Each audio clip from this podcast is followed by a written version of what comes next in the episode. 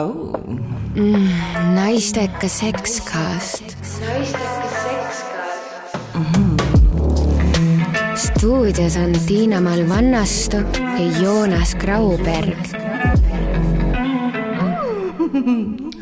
Svingerite õhtuklubis kuuskümmend üheksa igal laupäeval. tule paaris või üksi. saunaklubi kuuskümmend üheksa.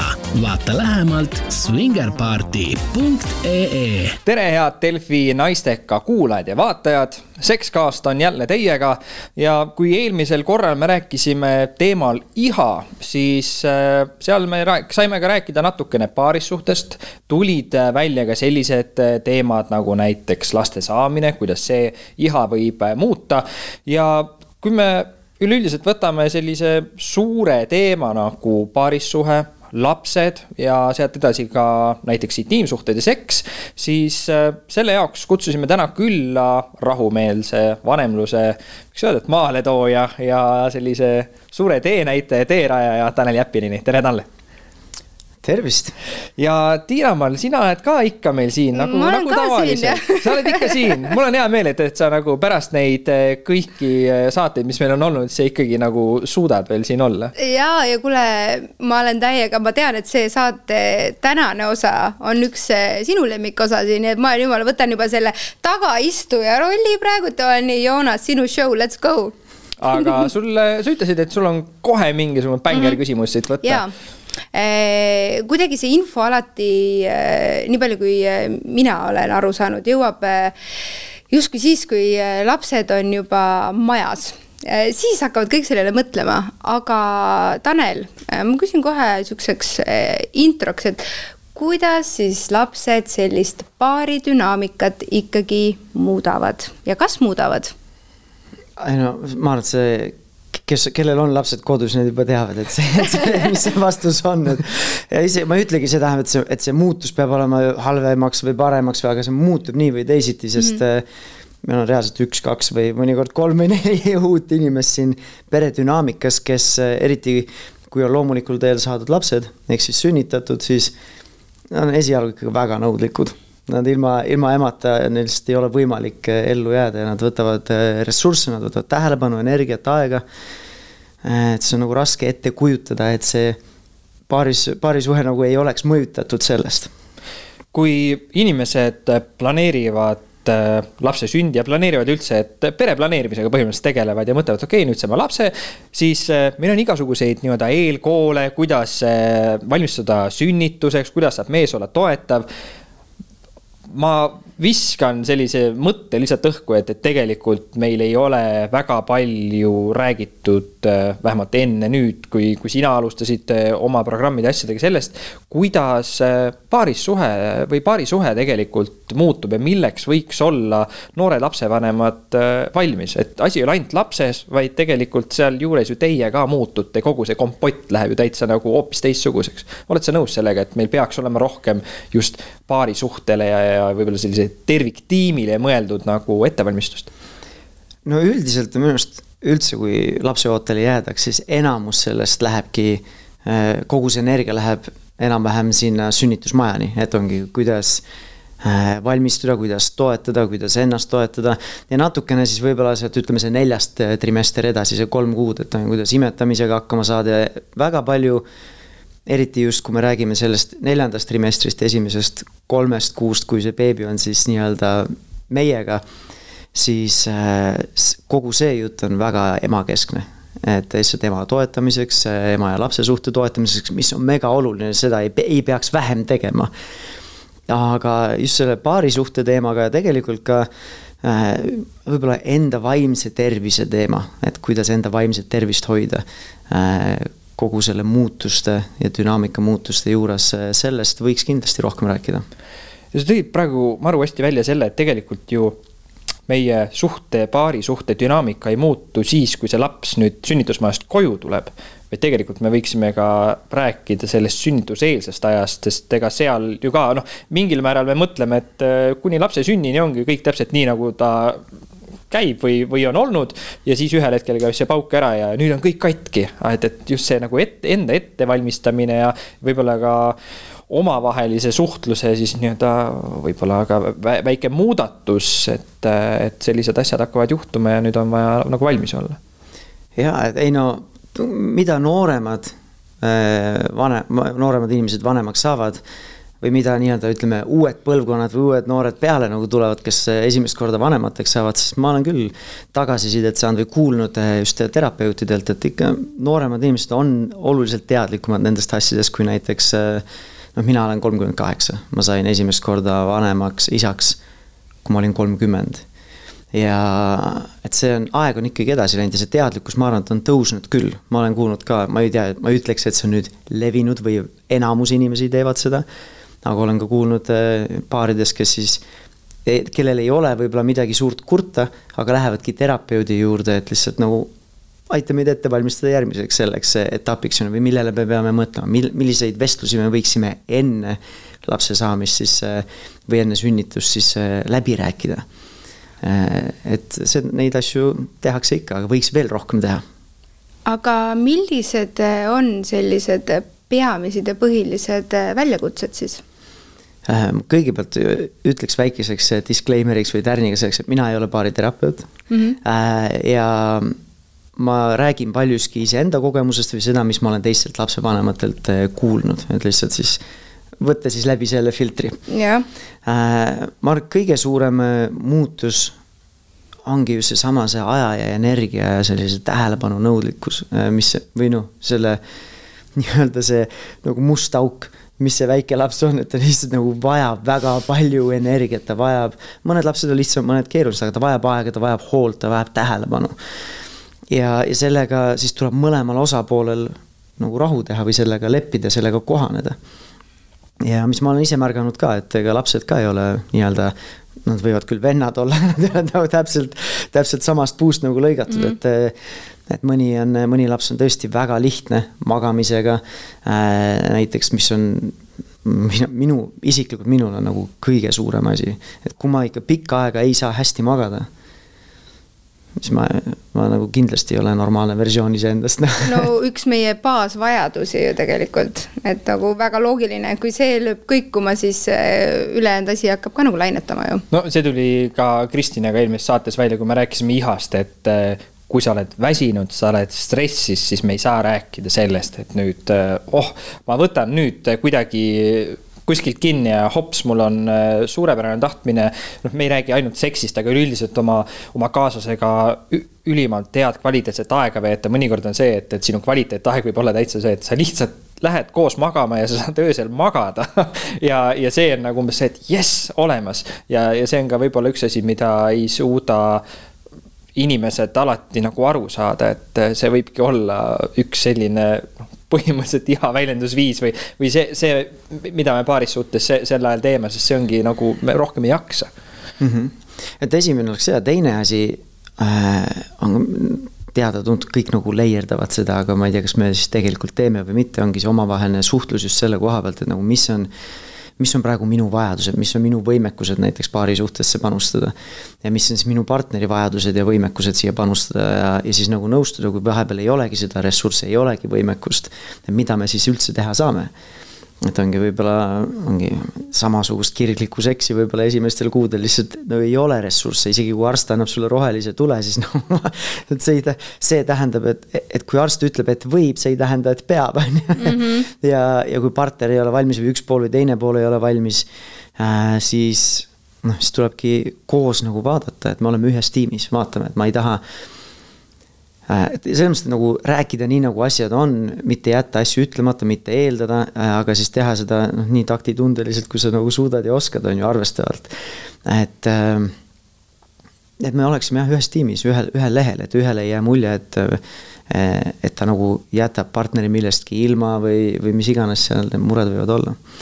Need on nagu minu seisukohast, mis mina olen näinud, naistel on loomulikult oma keha muutusega palju, palju nii-öelda võib olla ebakindlusi, on ju.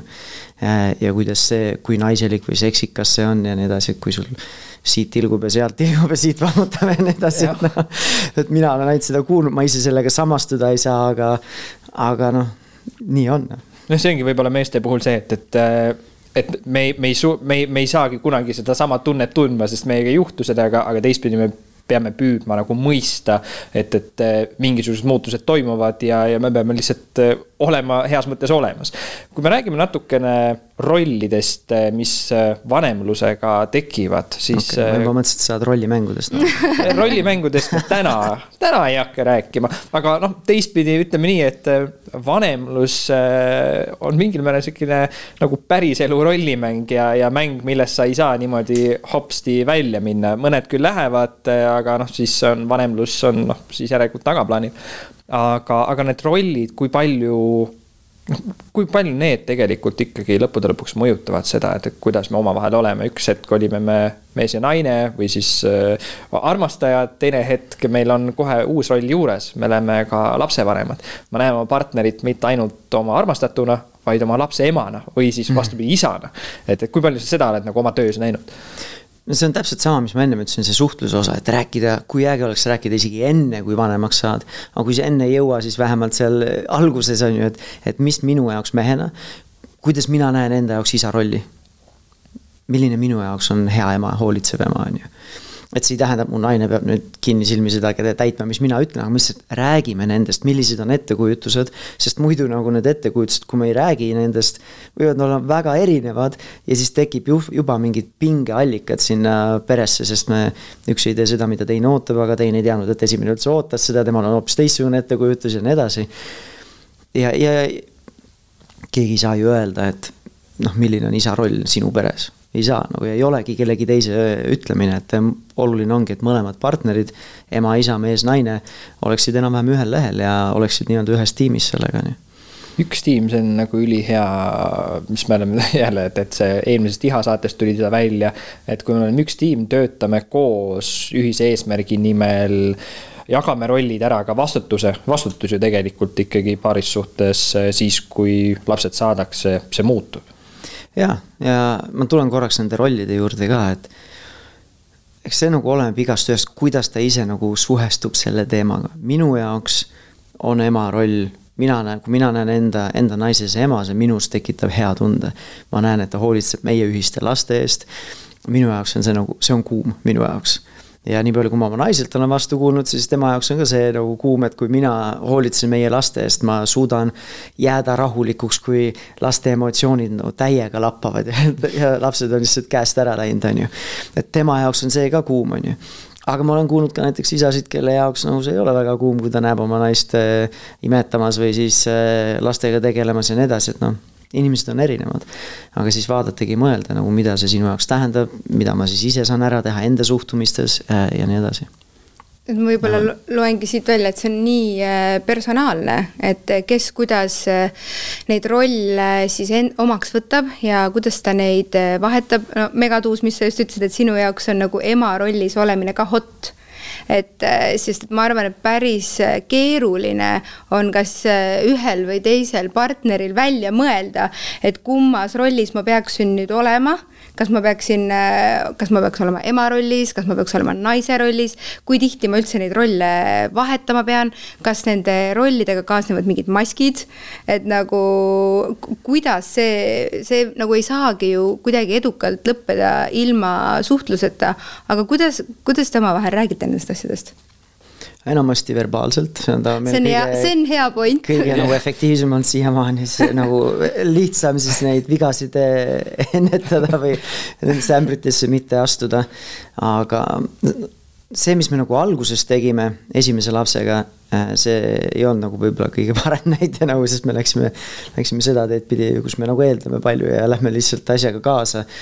Eh, sest seda lihtsalt seda kõike on nii palju, need ongi needsamad kogu see asja, elu muutus ja siis minul endal äh, selline, noh, minu jaoks see tütre sündimine oli ikka väga elumuutev kogemus.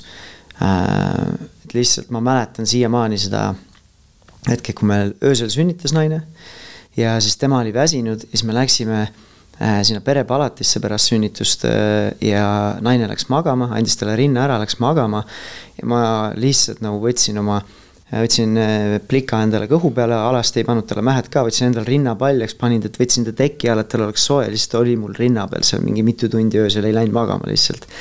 Äh, ja lihtsalt tunned, kuidas ma ei tea, midagi nagu sees muutub, lihtsalt. Äh, sest kui ma juba, kui ma teadsin, kui me jäime lapseootele, siis äh, kui ma mõtlesin selle peale, milline isa ma tahan olla siis, ja see ei ole üldse nagu varju heitmine minu enda kasuisale või isale, siis ma tundsin, et ma ei, ma ei oska, mul ei ole, ma ei saa nagu lihtsalt copy paste võtta, sest üks asi ajastu oli teine äh,. mind kasvatati kaheksakümnendatel, üheksakümnendate alguses, kui mina olin nagu väikene, siis see, mis praegu on see teadlikkus lapsevanematel on ju, isa roll on muutunud ajas. siis ma, ma ei oska, ma lihtsalt, ma ei tea, mis mul toode ongi, aga isegi kui ma ei oska, ma hoian seda väikest beebit enda söös, aga ma tahan olla sulle hea isa ma proovin, annan endast parima, aga ma ei tea, mida see tähendab. ja, ja minu jaoks see ongi see nagu isa rolli, see on nii või teisiti arenenud selle kaheksa aasta jooksul ka, mis te meile tütar meiega on olnud. aga see et ongi nagu otsida lihtsalt enda kohta ka veel nagu, et ongi see nagu eneseotsingud, identiteediotsingud põhimõtteliselt ja siis on see paarisuhte dünaamika muutus, on ju. ja siis on töö ja muud asjad, siis ma läksin välismaale tööle, kui naine oli beebiga, tulid kaasa mõne kuu pärast või kuu aja pärast. et see oli nagu selline. no see oli, see oli nagu ma oskan umbes kolme palliga žongleerida ja siis nüüd antakse sulle kaks palli juurde no,. sa ei saa üldse öödega mütsi aru no.. et siis teise ja meil oli, ema naisel oli veel esimese lapsega sünnitusjärgne depressioon. ja siis justkui me nagu tundsime, et nüüd oleme heas kohas jälle. et nagu äge on, vaatan naisele otsa, ta vaatab mulle otsa, nagu silmad säravad, on ju. oleme selle depressiooni küürust nagu ka üle saanud ja ja siis jäime teise ootele, siis oli äge, et oh jumala äge, teine, seekord teeme kindlasti asju teistmoodi nagu no ja siis sünnib teine laps, asjad läksid paremini, aga siis naisel tuli sünnitusjärgne depressioon jällegi, äh, kuni lõpuks oli suitsidaalne. ja, ja see ongi see, et me oleme nagu püüdnud võimalikult teadlikult neid asju teha, aga nagu kokkuvõttes nagu keegi meist ei ole nagu kuulikindel ja me ei saa kõiki asju ette näha. nii et äh, kuidas me suhtleme, siis nagu see, kus me praegu oleme, see on põhimõtteliselt kui ma enda otsa vaatan, siis on ikkagi nagu enda, enda vigadest õppi-, õpp-, õppimine, et me oleme siia jõudnud, kus me nagu räägime nendest asjadest, mis on hingel, need asjad, mis, mis nagu närivad hinge, mis, mis on nagu olulised asjad, ei ole mõtet igat asja, ma ei tea, mulle ei meeldi see, kuidas sa seda ühte väikest asja teed, nagu see on mõttetu, see on minu enda probleem, on ju. et ikkagi aeg-ajalt võtta aeg, aega ja kui seda aega ei võta üks-ühele aega, kus keegi ei ole rinna otsas või keegi ei ripu sul jala või käe otsas või küsi su käest tähelepanu või küsi ühte teist või kolmandat küsimust. kui seda üks-ühele aega, kus saab olla, silma vaadata nii-öelda nagu südame, südame avada teineteisele, siis see on keeruline, nagu siis jääbki lihtsalt see suhtlus jääb lihtsalt logistikaks, et kes lapsed üles korjab, kes poes läbi käib, kes täna süüa teeb, kes magama paneb lapsed bla, bla, blablabla, see on selline, on ka olulised asjad, aga see on logistika lihtsalt, me oleme siis OÜ Meie Pere nagu. logistikafirma. et, et on vaja seda, mina ütleks küll, et ilma, ilma kvantiteedita ei ole kvaliteeti, nagu et seda on, on vaja seda aega leida.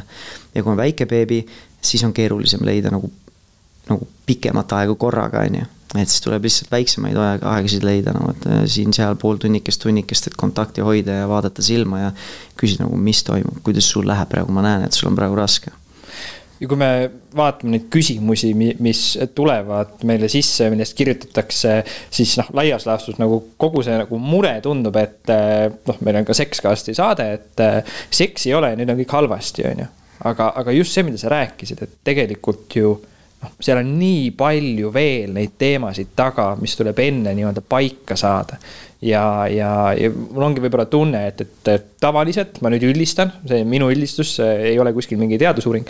et mehed on nagu rohkem need, kes püüavad saada nagu välja sellest, et nad tahavad ikkagi seda lihtsamat elu uuesti tagasi ja, ja siis äh, võib-olla ka seks või, või siis ka üleüldiselt see nii-öelda intiimne suhe on nagu eesmärk omaette, aga unustatakse see muu sealt kõrvalt natuke nagu ära no nii, noh, ma, ma, saan aru, mis sa nagu ütled, aga minu jaoks, minu, minu jaoks isiklikult on nagu seks on mega oluline suhtes Eh, ilma selleta nagu ma tunnen kohe, kuidas nagu see on umbes samamoodi nagu magamisega, ma olen nagu muutunud ka draama queen'iks või, või draama king või mis iganes nagu, et selles mõttes ma.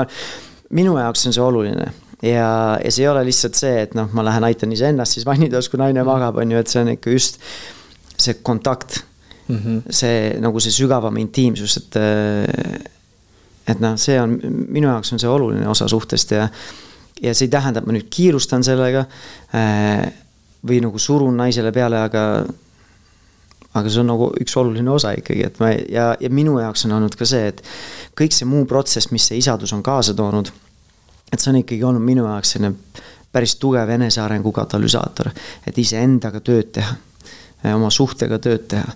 Ja ma nagu ei kujutanud ette, kui ma olin kakskümmend viis, testosteroon on mingi all time high enda, mis organismis sul on, on ju.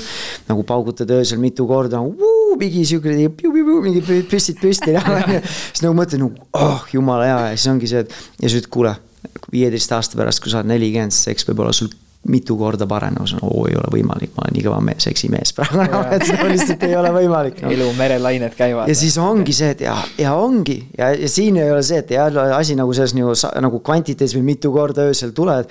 et eh, viimasel ajal ma olen ka nagu ilma ejakulatsiooniga seksi nii-öelda proovinud ja harrastanud ja seda, sellel teel nagu mingeid esimesi samme teinud, aga pekki, see on nagu võib-olla nii palju rohkem nauditavam, kui sa oled nagu tööd teinud iseendaga, sa tead kes sa oled, sa oled ise enesekindel oma nahas, sa tead oma naist, sa tead tema noh, füüsilisi soove ka, aga sul on nagu selline emotsionaalne kontakt olemas no.. ja, ja me oleme siin-seal rääkinud, ma ei tea, kas täna sellega tahame nagu süvitsi minna, et me oleme oma naisega olnud koos kakskümmend ei, ma ei pea mõtlema, kakskümmend üks aastat jah ma just hakkasin mõtlema, kuskil sa kirjutasid seda, huvitav, mis see. me oleme oma naisega kakskümmend üks aastat koos olnud keskkoolist saati ja, ja selle aja sisse, esimesse poolt on jäänud mõlemapoolselt äh, petmist. ja ma olen olnud teiste naistega ka ja nagu isegi kui see alguses see ekstaas on nii suur, siis nagu kokkuvõttes, kui ma panen nagu oma, ma ei tea, kui ma paneksin oma, kõik oma elus äh, seksid top sajasse siis nagu ükski teine naine ei saa sinna top sajasse kui mu enda naine nagu. ja, ja, see ei ole lihtsalt, ma ei oska nagu seda muud moodi nagu öelda, minu jaoks on see, et kui see emotsionaalne kontakt on olemas, see annab lihtsalt nii palju juurde, noh, ja kui see kohalolek on olemas, noh okei okay,, ma ei saa midagi teha, ma kuulan ja ma olen nagu, et okei okay,, mega, aga kakskümmend aastat. Äh, erinevad kogemused, erinevad ajad, siis ja sa ütled ise ka, et äh, sina saadki rääkida ainult enda kogemusest, et äh, ja tavaliselt niimoodi me ju teemegi, elame ja kolistame oma ämbreid läbi vaikselt, on ju, ja siis proovime nendest õppida, äkki koliseb teine natuke vähem, aga ah, ja sa ütled, et füüsiline lähedus on sinu jaoks oluline.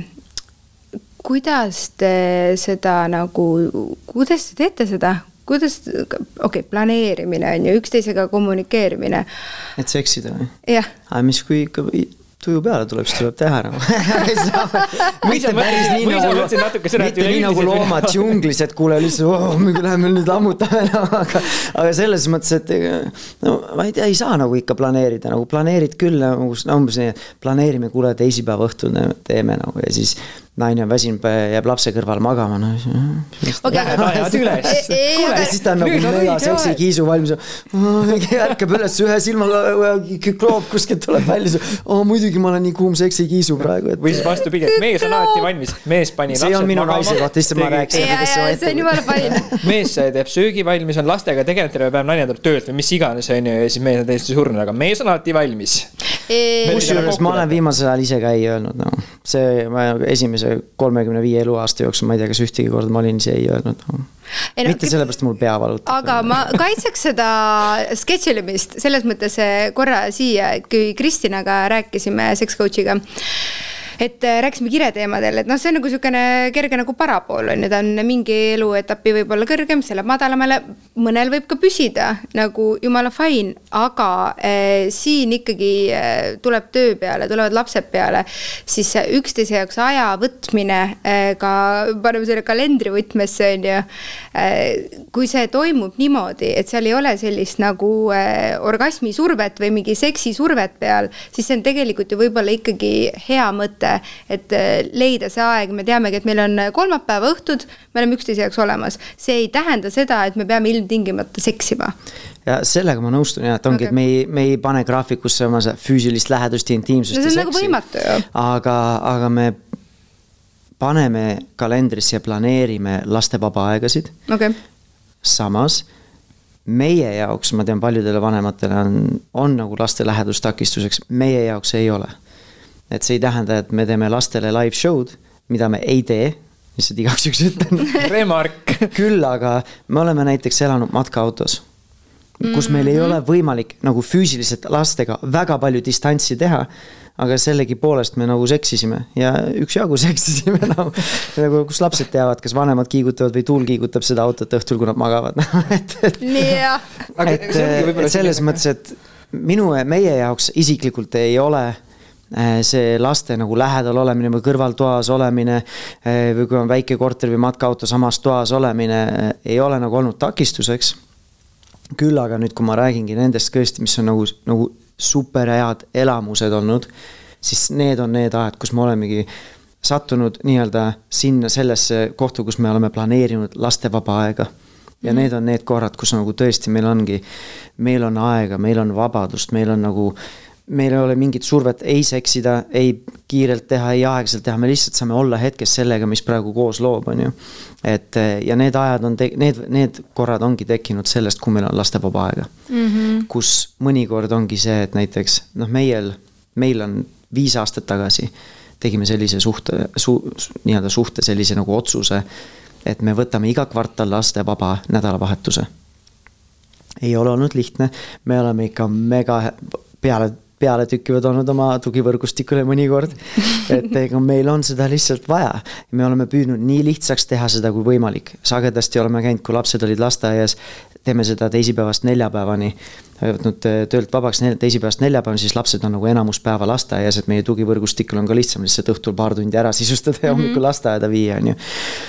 ja, ja see on nagu aidanud, ma ütlekski, et sealt see nagu see paarisuhte lähedus nende kordadega, mis me oleme teinud, see on nagu ongi no põhimõtteliselt nagu iga kord on niimoodi, et see esimesed kakskümmend neli tundi tuleb lihtsalt nagu see sajaprotsendiliseks kohaletulekuks, et me lihtsalt laseme lahti igapäevast stressist, saame natukene oma tassi täita, saame tulla kokku ja siis tavaliselt teine nelikümmend kaheksa tundi on lihtsalt nagu hoopis teine asi. et muu, ma ei ole seda varem nagu muud moodi kogenud, sest enne lapsi seda noh, ka tegelikult ei teinud mm. -hmm. et võtnud nagu täiesti stressivaba aega, aega, mind läinud kuskile ära, on ju, võtta ainult sina ja mina ei võta telefoni kaasa. ei tee tööasju, ei räägi sõbrannadega sel ajal, mitte midagi muud ei tee. Te tulete kõigepealt üksteisega kokku ja siis ja tegelikult alles nii-öelda see omavaheline suhtlus justkui siis alles äh, algab ei no eks see suhtlus on muidu ka, et ongi tavaliselt juba see sugune. häälestumine, mida rohkem oleme teinud, juba see häälestumine hakkab juba umbes sinna sõidul mm. -hmm. või siis, äh, või siis eelmisel päeval juba.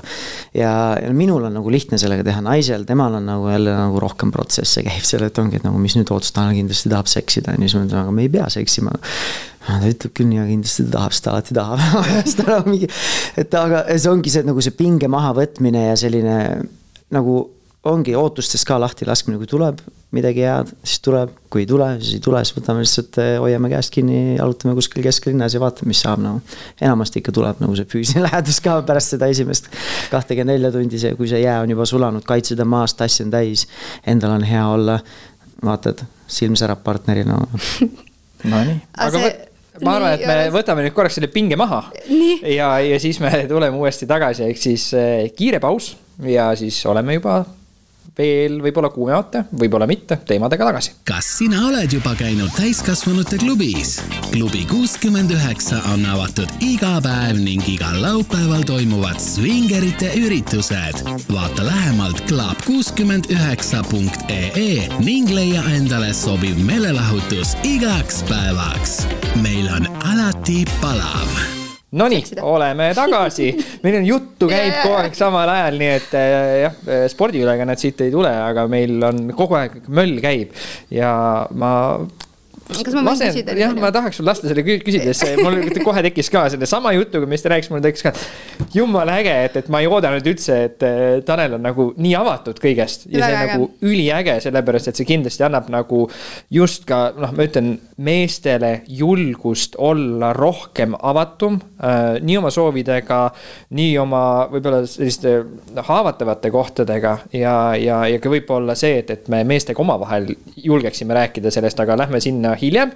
laseme kõigepealt eh, Tiina Mallil selle oma küsimuse ära küsida ja mulle väga meeldis see, et sa ütlesid seda, et eh, tegelikult te ju veetsite oma perega väga pisikestes nii-öelda elamistingimustes, Treikas oli või, treileris?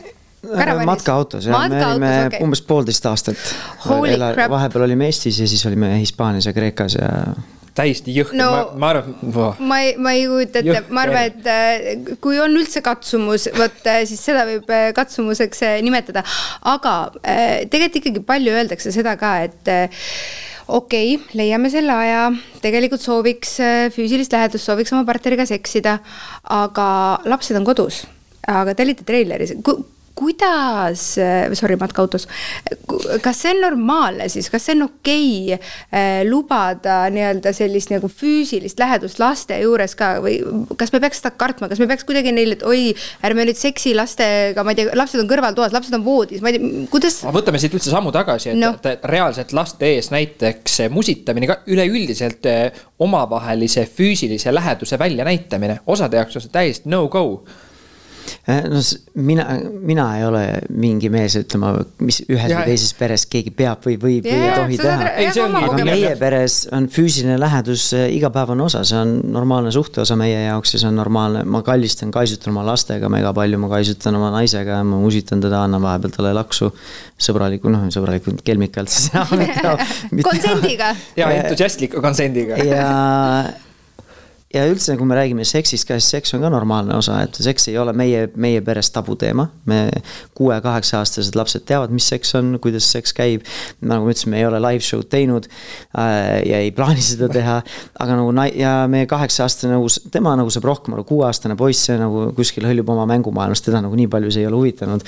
aga kaheksa-aastane nagu vahepeal küsinud, kas te seksisite ka siis või ikka, ikka, kui me seksime, siis ikka ütleme, et me tegime seda et, et see on nagu normaalne osa, see ei ole nagu tabuteema.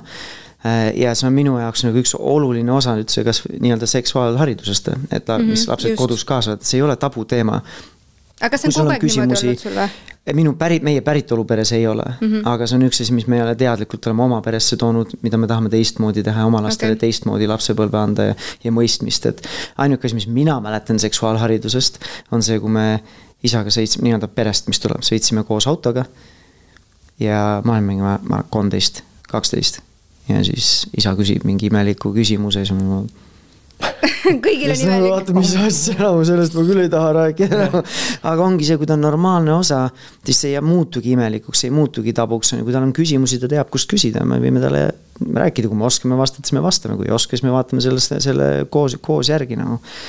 mäletan, kui meil, me ootame kolmandat last praegu käisime Hispaanias günekoloogi juures, seal günekoloogi juures on kohe selline mudel, kõik see, see nai- naise reproduktiivsete organitega läbipaistev, on ju mm. -hmm. ja siis tüdruk võtab selle kätte, okei okay,, mis see on, kas siia käib peenis, siis ma ütlesin, ei, see on aanus hmm,, okei okay.. siia, siis kas see on tupp või siis ma ütlesin, jaa, see on tupp, et sinna käib peenis ja vaata, siin on munasarjad ja nii edasi nagu vaata, okei okay. hmm,, huvitav noh nii ja kusjuures see lahe. ongi meie võib-olla täiskasvanute maailma ja üldse täiskasvanute kartus, et, et lapsed hakkavad siis kohe midagi rõvedat tegema ja mõtlema. aga noh, nende, neil piisab sellest, et näevad selle ära ja, ja siis on hästi, et, et pigem ongi, et ole avatud ja, ja kui nad sellest soo-, kui nad küsivad, siis ole nagu avatud rääkima, ma tean, et see ei ole, see ei ole lihtne. et kui sa oled ise üles kasvatatud võib-olla peres, kus sellest ei räägitud, on ju, ja sa ei ole sellist teadlikku otsust võtnud, et mina olen avatud, siis äh, ka lapsel on tõenäoliselt väga keeruline seda nagu seletada. ja no meie, ongi meie peres nagu see seks ei ole üldse tabu nagu, et ei ole seda ka, et mingi seks käib ainult pimedas toas, kui kardinal on kinni, tuled kustu nagu ma tahan ikka oma naist näha nagu, ma tahan tema keha näha, ma tahan tema silmi näha nagu. et eh, see on nagu normaalne elu osa. tuleme veel teema juurde mehed üldiselt. et kui me, kui me räägime vanemlusest, siis on kindlasti mehel omad äh, rollid, noh, mis äh, ühtpidi on ühiskondlikud, teised on need, mis meil paaris suhtes on. seks, isaks olemine, lapsevanemaks olemine. Kui palju sa näed, et, et mehed äh, omavahel julgevad äh, nendel teemadel avatult rääkida ja, ja, ja kuidas see on sinu silmis nagu aidanud, kui, kui sa, kui noh, sa teed oma neid meestegruppe ka, meestekas, nüüd vist läheb varsti kinni see regamise aeg, eks ole, või on juba kinni? meil on jah isade mastermind. isade mastermind, vot, et äh, kui palju kas te juba olete rääkinud nendel teemadel või te, või te kavatsete rääkida, et kui palju see võiks nagu aidata? me ikka räägime sellest ja meil üks kuu käis Karolin Tsarski näiteks, tantra äh, õpetaja käis meil siis külas rääkimas meestega naiselikkusest ja naistest ja siis me rääkisime muuhulgas ka seksist ja oleme siin-seal ikka rääkinud, kui teema tuleb üles, me nagu ei suru seda. aga ma arvan, et meestel on tegelikult ma ei tea, kas nagu vajadus, aga selles mõttes, et see on nagu kergendus, kui sa saad rääkida nendest asjadest aga see stigma või selline võib-olla hirm ongi see, et nagu mis mu sõbrad sellest arvavad, kui ma räägin ja nii edasi, et see on nagu esimesena minna, esimesena alustada neid vestlusi, esimesena avada, teha oma ringkere lahti, näidata oma südant või rääkida, mis hingel on.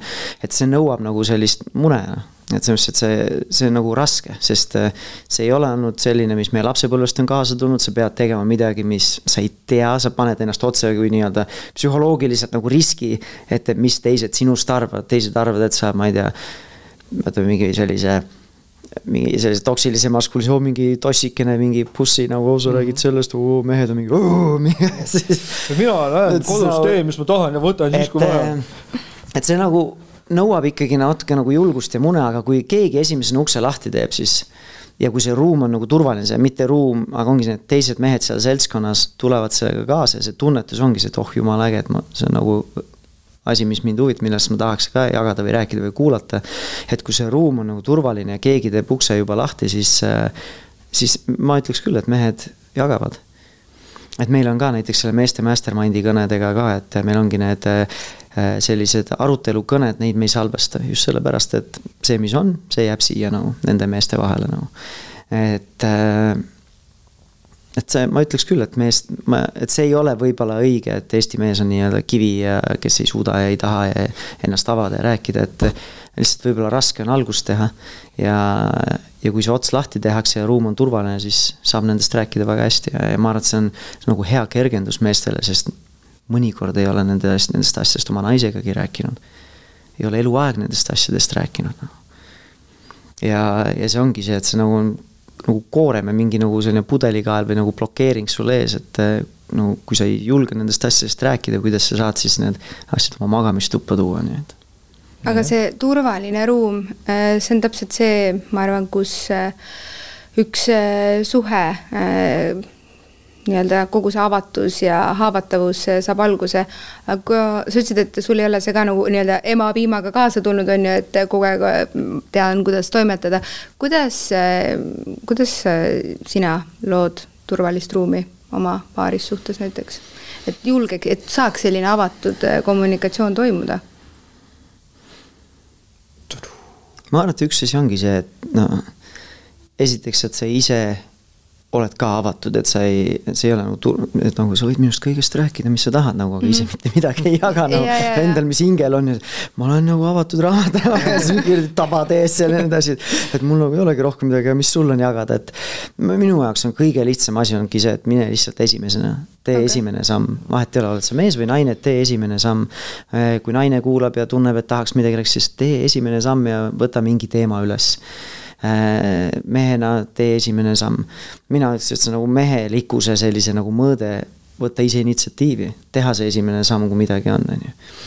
ja, ja siis vahepeal on mul nagu keeruline olnud sellega, aga ma olen nagu teadlikult töötanud sellega, et esiteks kuulata ilma vahele segamata äh, vahepeal nagu, ma ei tea, näpistada ennast või midagi nagu, et lihtsalt, et, et, et kuulata, olla lihtsalt kohal ja vaadata, mis sealt nagu tuleb. Ja siis teine asi ongi see, et juba enda peas, aga mitte nagu, mitte ainult verbaalselt, aga enda peas ka, et nagu püüda hinnangutest lahti lasta, et ei anna hinnanguid sellele, mis naine räägib, ei anna hinnanguid äh, sellele, mis ta sinuga, sinuga jagab äh, või meie kogemustest räägib ja nii edasi, et äh, et lihtsalt püüda olla ise hinnanguvaba, olla kohal, olla siin kontaktis ja, ja lihtsalt kuulata, et see nagu, et see ei ole noh, need ei ole nagu keerulised asjad, aga see ikkagi nõuab harjutamist ja nõuab äh, sellist natuke võib-olla enesedistsipliini ja nii edasi.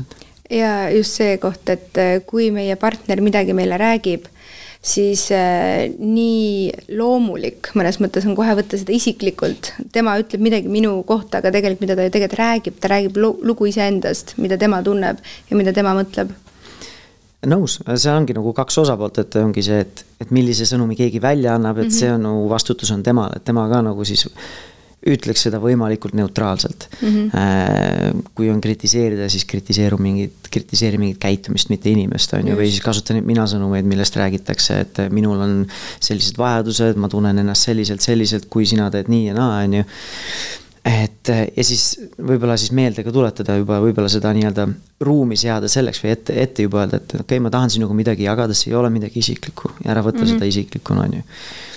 Aga mul on midagi hingel, mis ma tahan, mida ma tahaksin jagada, on ju, et kas sa saaksid ja võib-olla küsidagi luba, kas sulle on praegu sobilik aeg, kas sa saad. kas sinu jaoks on praegu hea aeg seda teha nagu no?? Täiega laavin seda, sellepärast et äh, seda on ka nagu nii palju oodata oma partnerilt, vahet pole, tegelikult see ei pea olema isegi ainult partnerivaheline situatsioon. ükskõik, kus me anname kellelegi tagasisidet, kui see peaks olema selline, ütleme nagu emotsionaalsel skaalal natukene klõkk-klõkk-klõkk üle selle keskmise, siis alati see konsendi küsimine äh, tegelikult ka emotsionaalsel teemal kas sul on okei okay,, et ma tegelikult tahaksin sinuga jagada praegult, mis mind väga-väga näiteks, mis on raske minu jaoks äh, ja mis tekitab minus sihukest negatiivset emotsiooni, sest et võib-olla su kaaslane võibki sellel hetkel olla, tal tõmbas näiteks tööl mingi teema ülesse, ta on ise juba üles köetud, noh, enda jaoks proovib ennast maandada ja siis keegi proovib veel mingi enda asjaga sinna peale lennata, siis saabki lihtsalt öelda, kuule, teeme homme seda, praegult ei saa aga võibki teha homme mm, -hmm. et eh, ja siis ongi see, kui praegu ei ole hea aeg, siis eh, vaadata koos, kuna oleks hea aeg. ja võib-olla siis leppida see kokku, teeme seda homme hommikul pärast seda, kui lastel, lapsed on kooli ära või lasteaeda ära viidud, on ju. et, eh, et võiks seda ka teha nagu, mis me oleme püüdnud teha et kui üks tuleb, et kuule, ma tahaksin meie suhtest rääkida, see ei tähenda kohe kriitikat, vaid midagi on mm. pekkis, et no okei okay,, ma lähen nüüd poistega välja, no ma ei tule koju enam. et, et see, et see ei tähenda kriitikat, et ongi, et mul on, ma lihtsalt tahan midagi jagada mul on, mul on, mida jagada, on ju, et mm.. saate lõpus me laseme alati äh, jagada külalistel kolme siis iseloomustavat sõna või, või kolme sellist faktorit, mis teeb sinu jaoks äh, seksist hea seksi? minu jaoks on aeg, sest enamasti need kõige paremad äh, seksid on ikkagi siis, kui on olnud aega, et ei ole nagu piiranguid, et see ei tähenda, et me paneme nüüd eesmärgiks mingi kolm tundi seksida, aga et see, meil ei ole piiranguid, on ju, et me, me ei pea kuskile kiirustama, et on see aeg, et selle nagu surve võtad sealt ära kohe selle pinge, siis äh, kõik selline nagu kohalolu, et, et ongi, et kui mul samal ajal ikkagi nagu aega on, kui ma vaatan nii-öelda nagu füüsiliselt seda aega mul on, aga mul ei ole nagu seda kohalolu, mul ei ole seda emotsionaalset võimekust siin praegu kohal olla siis see mingil määral võtab ka nagu seda võib-olla kvaliteeti natukene vähemaks või kui see kohalolek on mõlemal olemas. Äh, et ongi nagu aeg jääb seisma, oleme siin kahekesi, et siis paneb nagu oluliselt nagu seda vunki juurde. ja, ja siis selline ongi nii-öelda selline eelduste puudus nagu, et oleme siin, vaatame, mis me koos loome, nagu see on selline mingi koos nagu mingi, võtad endale selle lõuendi ette, vaatame, mis me koos siin luua saame täna, et, et ei ole nagu mingeid eeldusi, ei ole mingeid ootusi, ei ole mingeid piiranguid ja siis tuleb, mis tuleb. Nonii, aitäh sulle, Tanel, et sa kõigepealt tulid ja muidugi suured tänud selle eest, et nii avatult ja, ja jagasid ka oma lugusid ja, ja, ja kindlasti ma loodan, et siit paljud saavad noh, lihtsalt ka endale võib-olla sellist et sa võime, võimendasid või võimestasid inimesi, et nad julgeks ka ise rääkida oma mõtetest ja, ja mitte see, et, et sa pead rääkima meie moodi siin laua taga, aga kasvõi oma lähedase inimesega. aitäh ja, teile. aitäh ja meie poolt on alati väike kingitus ka, aitäh sulle väike kink ja teiega, head Delfi naisteka ja Sexcasti kuulajad ja vaatajad, näeme juba järgmisel korral ja siis räägime sellest, mis meil on siin laua peal, ehk siis lelud ja Liisa Larm tuleb meile külla. seniks aga nautige suve ja näeme varsti, tšau tšau. Svingerite õhtuklubis kuuskümmend üheksa igal laupäeval. tule paaris või üksi. saunaklubi kuuskümmend üheksa. vaata lähemalt svingerparty.ee oh.. Mm, naistekas sekskast. naisteka